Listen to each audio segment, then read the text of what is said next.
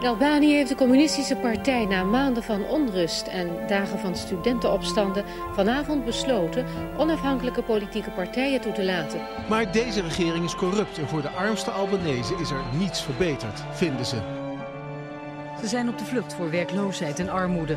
Maar het is bijna uitgesloten dat ze dat hier zullen vinden. Ja, goedemiddag luisteraars. Welkom bij de eerste aflevering van Albanië tot Zwitserland. En dan beginnen we natuurlijk eh, in Albanië, het eerste land van ons alfabet. Maar eerst uh, Evert, uh, goedemiddag. Evert de Graaf, historicus. Ik ga met jou deze serie door van eigenlijk heel Europa, van A tot Z.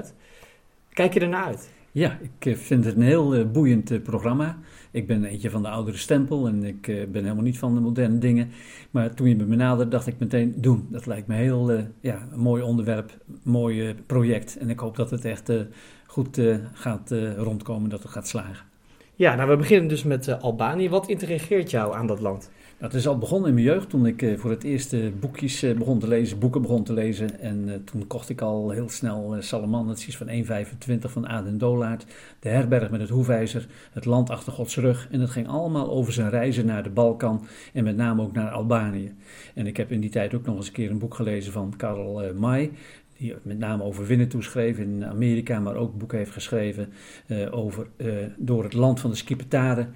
En dat vond ik ook een fascinerend boek. Dus dat is denk ik het begin geweest wat fascinatie voor uh, dit land, wat later ook in de tijd van het communisme een hele aparte rol heeft gespeeld. voor een groot deel is de bevolking islamitisch, dat, dat, dat is ontstaan in de, in de overheersing van de Ottomanen. Um, die daar de baas waren. Hoe, hoe kwam dat? Hoe kwam dat dat ze zich bekeerden tot de islam? Uh, ja, toen inderdaad, en zeker Osman, die heeft geregeerd, die heeft heel lang geleefd, eh, zeg maar dat die leefde zo rond 1300. En die heeft toen inderdaad het begin gemaakt met dat uh, Ottomaanse of Osmaanse, of ook wel eens een keer het Turkse Rijk genoemd. En uh, hij begon toen met die veroveringen. Dat meen jij ook te moeten halen uit de Koran, dat hij de opdracht had gekregen van Mohammed en die weer natuurlijk van uh, Allah, dat ze echt ook de ongelovigen moesten bekeren tot het geloof. Het is een echt een, een, opgaan, blinken en verzinken geweest. De opkomst is dan vanaf 1300, wat ik vertelde. En dat is echt de bloeiperiode geweest van 1453 tot 1683, toen ze stormloop deden op uh, Wenen en vervolgens daar door de Habsburgers werden teruggeslagen. En dan zie je het verval inzetten en het heeft geduurd tot 1922. Maar de Turken hebben echt een wereldrijk gehad. Enorm veel impact gehad, ook uh, uh, op staatkundig gebied, maar ook op nou ja, gebied van de kunst en van cultuur en vooral natuurlijk het geloof. Maar want, want hoe, hoe, ging die bekering? Was dat, was dat met het zwaard of was dat op een hele uh, subtiele manier? Het ging inderdaad ook uh, in het begin op ja, meerdere manieren hebben ze gebruikt, maar ook met behulp van het kromzwaard, wordt dan altijd genoemd. Echt uh, net als, eigenlijk kun je het rust vergelijken met hoe hier Europa gekestend werd door de Franken, met name Karel de Grote. Het was dopen of doden. Scheelde maar één letter, maar het kon wel je kop kosten. En dat ging eigenlijk ook bij de Arabieren zo, bij de Turken zo. Dat je moest bekeren tot dat uh, uh, geloof van de islam. En zo niet, dan had je echt een, uh, ja, dan was je een kafir, dan was je een ketter. En dan had je echt hele moeilijke tijden ook in dat land. Dus je kon je maar beter inderdaad ook bekeren tot de islam. Dan kon je ook carrière maken en dan had je inderdaad ook minder belastingen dan degene die er niet toe hoorden. Al dat soort dingen die speelden een grote rol bij de islamisering van de gebieden die ze veroverden. En, en de Albanese, die, die maakten wel carrière. Hè? Die hadden een redelijk goede naam onder de Ottomanen, toch? Ja, het was echt een. Uh, ze hadden de naam een zeer uh, krijgshaftig volk te zijn. En uh, ze waren zeer bedreven ook in het vechten in de bergen. Albanië is een zeer bergachtig land. Dat betekent letterlijk ook het land van de Witte Bergen. En wat ik net al zei, het land van de Skipetaren. Ze waren vaak bezig met jacht ook op adelaars en andere wilde dieren die er rond trokken. Maar het waren echt befaamde strijders die heel graag werden opgenomen in het Turkse leger. En dan, dan is het eind 19e eeuw, dan is het Ottomaanse Rijk wel echt op zijn eind. Het wordt ook wel de zieke man van Europa genoemd. Ja, hè? Wat ik net al vertelde, in 1922 is het dan eigenlijk ten val gekomen met uh, de opkomst van Kemal Atatürk. Ja, en voor veel uh, landen op de Balkan was het ook het moment om oorlog te voeren, om, om de landen terug te winnen. Hoe was dat in Albanië? nou, je hebt een hele voorname rol van Rusland. En die begonnen daar echt de volk al op te stoken. Want bij de Russen leefde heel sterk dat panslavisme. Alle Slavische bevolkingsgroepen binnen één groot rijk. En die hebben echt overal bommetjes gelegd, figuurlijk, soms ook letterlijk, om mensen in opstand te krijgen tegen het Turkse regime. En Albanië bleef, ging, gingen die daarin mee? Uh, nou, je hebt de twee Balkanoorlogen gehad die voorafgingen aan de Eerste Wereldoorlog. En uh, toen de Eerste Balkanoorlog speelde, de volkeren voelden gewoon dat eigenlijk het een reus op lemenvoeten was, het Turkse Rijk. En het waren met name Servië, Bulgarije, Griekenland en Montenegro die toen inderdaad de wapens oppakten en de oorlog begonnen. En ze stonden tegen een overmacht, het Ottomaanse Rijk het was een onmetelijk groot rijk geweest. Het was niet een echt een goed getraind uh, leger meer. En binnen de kortste keren wisten met name ook de Bulgaren geweldig grote gebieden ook in uh, Europa op de Turken te heroveren. En dat is toen al heel snel afgelopen. En in die periode dat die oorlog woedde, hebben de grote mogendheden gezegd: uh, en stel die landen hebben best recht ook op onafhankelijkheid. En met name Oostenrijk-Hongarije en ook Rusland ging ermee akkoord. Die hebben gezegd: Albanië moet maar zelfstandig worden. En dat is gebeurd in 1913. Ja, en dan zie je dat dan worden de grenzen ook, uh, ook getekend hè, op de kaart. Ja, op de kaart, net wat je zegt. Uh, ja. uh, maar daarbuiten wonen nog een half miljoen Albanese. En ja. dan komt ook het ideaal van, van groot Albanië op, zoals we dat eigenlijk ook in, in Servië zien. In dat leeft overal inderdaad, dat pan-nationalisme, dat ze alle ja, Bosniërs, alle Albanese, alle Serven binnen één rijk willen hebben. Dat zie je bij al die landen echt de boventoon voeren. En ja, dan gaan de kaarten getekend worden door de grote mogendheden. En dan kijken ze waar de meeste Albanese gesitueerd zijn en dan trekken ze grenzen. En ook wel te maken heeft het met uh, waar bepaalde oorlogsheren, krijgsheren ook woonden, dat die dan vaak weer binnen dat gebied vielen, dat ze niet te buiten vielen. En uiteindelijk zijn het dus willekeurige grenzen getrokken waarbij echt niet het voor elkaar werd gekregen om alle Albanese in één rijk te krijgen. Heel kort erop had je natuurlijk alweer het begin van de Eerste Wereldoorlog. En daarin was volgens mij Albanië een soort van speelbal. Hè? Het uh, ja. verschillende overheersers die al binnenvielen. Ja. Kan je dat eens uitleggen hoe, dat, hoe ging dat? Nou, de Turken hadden natuurlijk daar nog altijd uh, het oog op geslagen. Het was voormalig gebied. De Russen die hadden daar eigenlijk wel zin in. De Oostenrijkers die hebben steeds gedacht. Uh, vanaf 1848 had je de dubbelmonarchie. Had je de oude keizer Frans Jozef. Oostenrijk, Hongarije. En die hadden steeds gedacht als Albanië zelfstandig wordt, dat wordt op de duur van ons een satellietland. Dan hebben wij daar echt een uh, dikke vinger uh, in de pap op de Balkan. Ook de Italianen en de Grieken die hadden hun oog geslagen op Albanië, want die vonden ook dat het eigenlijk tot hun gebied behoorde. Werkelijk een speelbal van de grote mogendheden. En uh, nou, ze hebben echt heel veel overschijn gekregen, de Albanese, toen ook in de Eerste Wereldoorlog en de periode daarna. En was dat omdat uh, het zo'n mooi vakantieland is, of was dat, dat ook een, een tactische... Uh... Ja, allemaal tactiek enzovoort. En, maar dat heeft ook allemaal te maken met het verlangen van die landen om een groot rijk te stichten. Ze willen meetellen in de Europese politiek, in de wereldpolitiek. En de Italianen die hadden bijvoorbeeld ook het idee dat alle Italiaans sprekende gebieden binnen hun rijk hoorden. En dan keken ze weer terug natuurlijk naar het verre verleden, toen ze het Romeinse Rijk hadden. Toen hadden ze een enorm groot gebied natuurlijk uh, onder hun beheer gekregen. Het hele Middellandse zeegebied was hun gebied, Mare Nostrum, onze zee. En er hoorde ook bijvoorbeeld Albanië bij. Maar de Grieken die dachten het is uh, van ons en uh, wij willen het inpikken. En zo lagen allerlei tegenstanders op de loer om weer eigenlijk dat gebied binnen te vallen en het zich toe te eigenen. De, die geschiedenis, hè, de geschiedenis die elk, elk, land heeft, die werd wel maximaal uitgebuit om, om een nationalistisch gevoel aan te wakkeren. Absoluut, ja. Een fascinerende periode. Ja, fascinerende periode, absoluut. En uh, dan is er na de Eerste Wereldoorlog een, ja, een periode van relatieve rust, tenminste op, in ieder geval op oorlogsgebied, uh, in de meeste landen van Europa. Ja, het is misschien nog een heel leuk uh, moment om dat nog te vermelden, dat de Nederlanders daar nog een rol gespeeld hebben. Meteen aan eigenlijk de vooravond van de Eerste Wereldoorlog wordt er een internationale vredesmissie zelfs naar Albanië toegestuurd. En daar treden dan een paar militairen op de voorgrond, een zekere Willem van der Veer en ook een zekere Thompson. En die moeten dan in het kader van die internationale vredesmissie ook met name daar in Albanië, die nieuw gestichte staat, die natuurlijk eigenlijk amper wist hoe ze zichzelf moesten besturen, die geen bestuursapparaat hadden, die geen politie hadden, die geen leger hadden, moesten zij gendarmes opleiden om ook de grenzen te gaan verdedigen. En dat is toen maar een hele korte periode geweest, ook met veel hectiek en veel uh, aanvallen van uh, plaatselijke krijgsheren en van andere landen die weer een agenten daar naartoe stuurden. Bij Dures is bijvoorbeeld Thompson, de Nederlander, is daar omgekomen en het is maar voor korte duur geweest. Maar toen werd er een ander man naar voren geschoven, dat is een zekere koning Zog geworden. En die koning Zog die heeft echt ook uh, ja, een, ja, geprobeerd zijn stempel ook op het uh, gebied te drukken. Uh, hij werd in 1928 werd hij koning en in wezen heeft hij geregeerd tot 1939. Hij probeerde echt het analfabetisme te bestrijden. Hij probeerde ook de armoede te bestrijden. op zich had hij best wel ja, goede ambities. Maar omdat het zo'n ontzettend armoedig land was. En nog een keer, dat analfabetisme, dat was heel erg hoog. Veel ja, minderheidsgroepen in het land. Dat lukte allemaal moeilijk om dat onder één noemen te krijgen.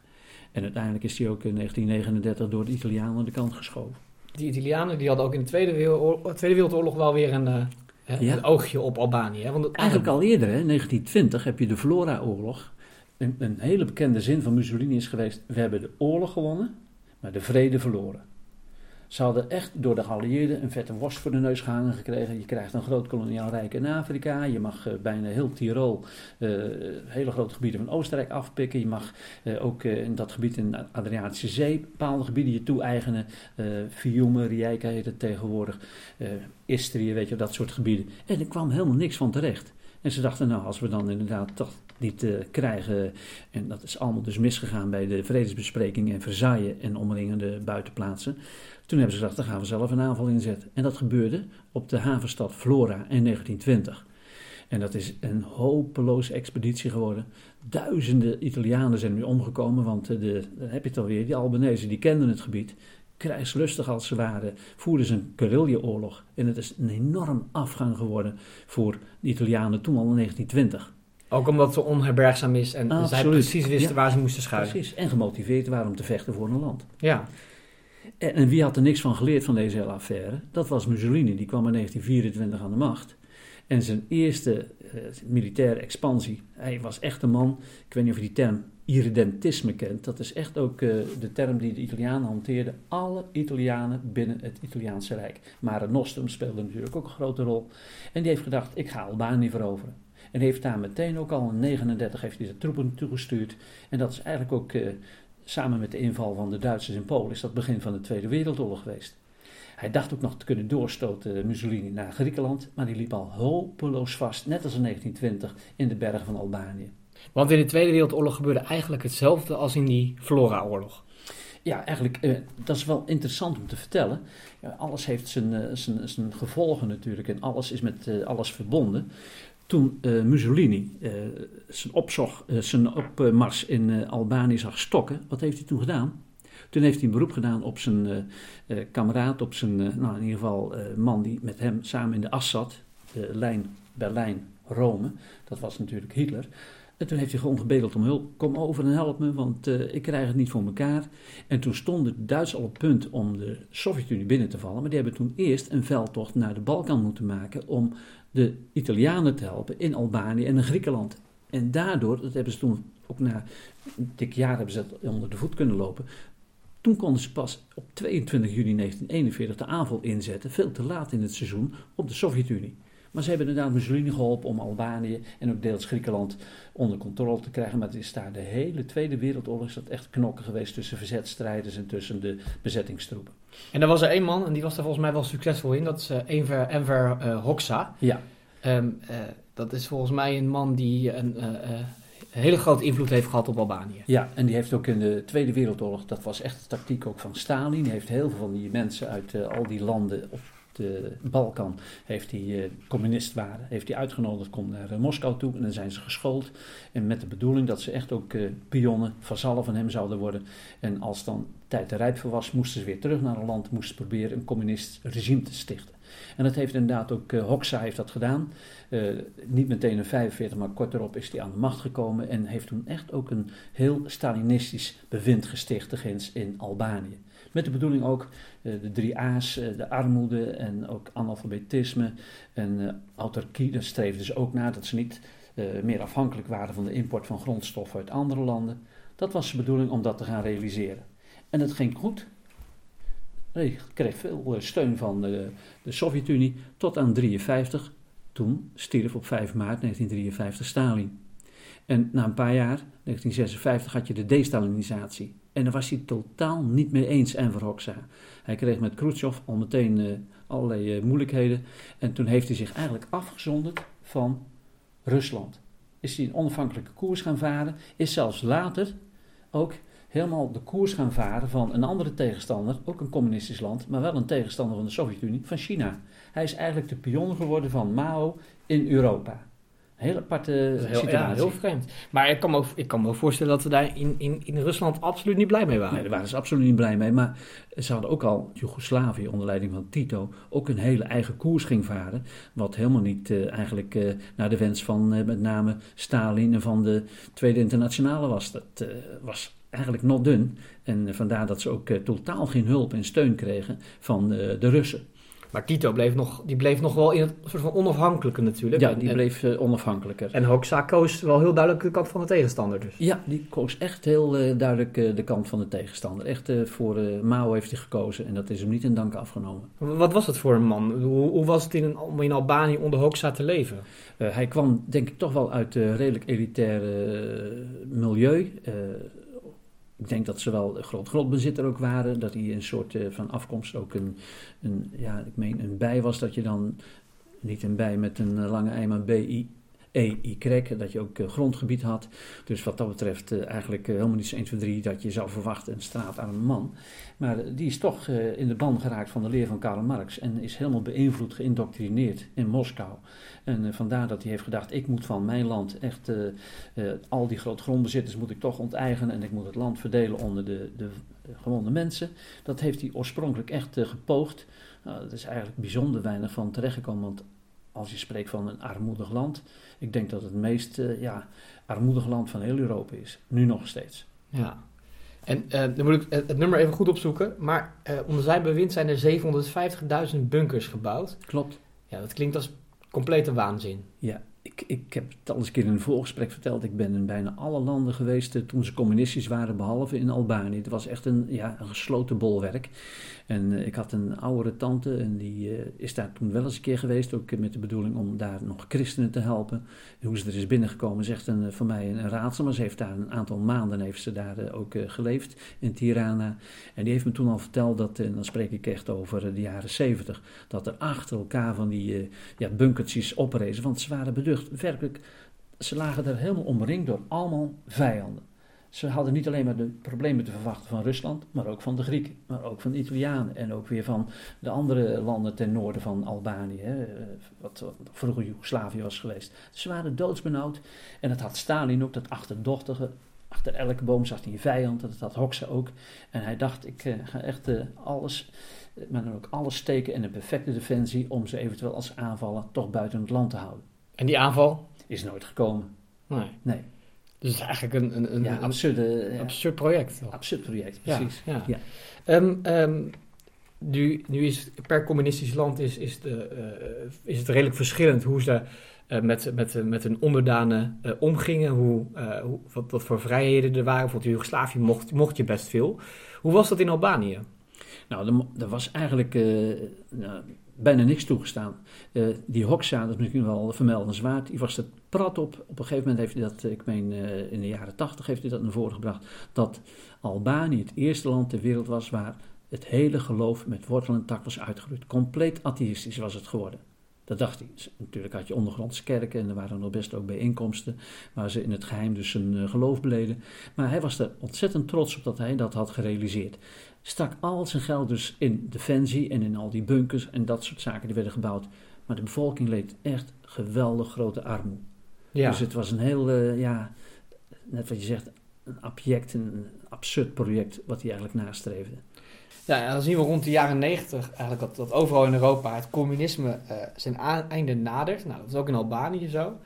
En dan komt die, die transitie van het communisme naar een kapitalistisch systeem. En volgens mij is dat bijna nooit. Uh, is dat, is dat, gaat, dat gaat heel moeizaam. Ja, je ziet het in Rusland, je ziet het in andere landen. Dus wordt, dat gaat zo ontzettend moeizaam. En je ziet natuurlijk dat meteen ook van die uh, snelle jongens, die graaiers, die weten dan meteen toch ook weer een slag te slaan. En die weten dan allerlei grote bedrijven. De oligarchen. precies, de oligarchen. Uh, letterlijk ook in Rusland olie met uh, O-L-I-E, oligarchen. Die zijn met de olie rijk geworden. Dat heb je natuurlijk in Albanië niet. Die heeft bijna geen grondstoffen, niet veel in ieder geval. Maar je ziet daar ook weer dat een, een handjevol mensen dus de macht hebben gegrepen en proberen ja, regeringen te vormen die dan natuurlijk hun beleid uitvoeren. Maar elke keer ook heb ik begrepen, kabinetscrisis enzovoort. Ze moeten nog ontzettend veel van de parlementaire democratie leren. Maar dat, dat heeft elk land die dan natuurlijk die transitie moet gaan maken daar in Oost-Europa. Ja, en als dat systeem niet werkt, dan, dan is er de georganiseerde misdaad, corruptie. Dat zijn dan wel gevaren die op de, op de loer liggen. En Absoluut. wat, ik, als ik een beetje aan Albanië denk, en ik denk dat veel mensen dat hebben, dan zullen ze toch wel veel aan die termen denken. Is dat, is dat terecht? Ja, ik denk dat uh, met name ook doordat het een verwarde toestand is, dat er niet echt een sterk centraal gezag is, dat je ontzettend veel uh, criminaliteit ziet. Heel veel uh, ja, mafiosi noem ik ze dan maar, bendeleiders die echt proberen overal een slag te staan, mensen onderdrukken, bepaalde zaken die het redelijk goed doen, die moeten dan beschermgeld betalen en al dat soort zaken. Nou, ze buiten de boel uit en ze zetten de boel naar hun hand en zuigen het land leeg in plaats van dat ze dan dus eigenlijk het geld steken in uh, de wederopbouw van het land, verdwijnt het in hun eigen zakken. Ja, en um, uh, ik las pas een nieuwsbericht dat de meeste asielaanvragen in Nederland door Albanese uh, wordt gedaan. die zijn vrij kansloos. maar het zegt natuurlijk wel wat dat, dat de, de vluchtelingen, asielzoekers uit dat land komen. Ja, dat zijn echt economische vluchtelingen, denk ik, die op zoek zijn natuurlijk naar een, ja, een betere toekomst. En ze vinden dat dat niet te, te vinden is in hun eigen uh, land, maar dat het uh, in Europa, het rijke Westen, te vinden is. En vandaar dat heel veel pogen natuurlijk uit te wijken naar met name Duitsland en ook naar Nederland. En is dat ook terecht? Is, heeft Albanië echt weinig uh, economische toekomst of is dat moeilijk te, te zeggen? Ik denk, en dat zie je op het ogenblik een beetje de kop opsteken, pas las ik er nog een artikel over. Ik vertelde straks al, uh, Albanië is het land, letterlijk als je het vertaalt, van de Witte Bergen. Het is een uh, ruig uh, berglandschap en ook best wel nodige sneeuw. Je ziet dat daar in de winter al meer toerisme de kop opsteekt, maar ook zomers, want langs de kusten, plaatsen als Dures en ook Flora, wat we net al noemden, en ik meen Brint, dat is een oud Grieks stadje, dat schijnt schitterende badplaatsen te zijn. En een van de meest bekende plaatsen in uh, dat gebied is het meer van Ohrid, waar ook al Adendola het over schrijft. Dat is echt een fantastisch mooie natuur, wat ik van documentaires gezien heb. En dat is natuurlijk wel echt een enorme omslag hè? Van, van het gesloten communisme, gericht op, uh, op, op, op, op, ja, op, zo, ja, op zo weinig mogelijke buitenlandse invloeden, ja. naar afhankelijk zijn van toerisme. Ja, dat is echt uh, een totale omslag die niemand eigenlijk uh, voor een jaar of twintig voor mogelijk had gehouden. Nee. Tot slot, um, want Albanië is ook in, inmiddels lid van de NAVO, is kandidaat-lidstaat bij de EU. Um, veel meer op het Westen gericht dus. Um, ja, he, hebben ze een westerse toekomst? Ik ben benieuwd, nu vooral ook nu Trump aan de macht komt en je ziet hoe Poetin dus opereert. Poetin die beducht is voor het oprukken van de NAVO richting Oost-Europa. Dat ziet hij als een enorme bedreiging. Ik heb mijn bedenking. Ik denk dat het ook bij de aansluiting met de EU, daar zie je ook steeds meer problemen. de uitdijende macht van Brussel. Dat veel lidstaten zeggen, nou we moeten nou maar eens een beetje een tandje lager bij zetten. En niet een tandje erbij doen. dat ze minder kans zullen maken om ooit nog eens een keertje zullen toetreden tot de EU. Ik hoorde al, je hebt in het begin heb je al boeken genoemd, onder andere uh, Aden Dolaard. Ja. Uh, ja, dat is wel een aanrader hè, als je meer over als je Alba Albanië wil proeven. Echt, dat is het oude Albanië zoals je, ja, natuurlijk speelt dan mijn jeugd mee en dan ga je het misschien een beetje verheerlijken, maar dat is echt dat ongerepte, dat rauwe, ruige gebied uh, waar uh, nou ja, bloedwraak plaatsvond, waar uh, de mensen van de jacht leefden en ja, heel erg mooi om te lezen, moet ik eerlijk zeggen. Dat, dat zijn page-turners, die boekjes. En heerlijk geschreven, toch? Ja, zeker. Ja. Goed, uh, dit was het uh, voor vandaag. Uh, bedankt voor deze uitleg over Albanië. Volgende week dan zijn we er weer en dan gaan we het over, over België hebben, een stuk dichterbij.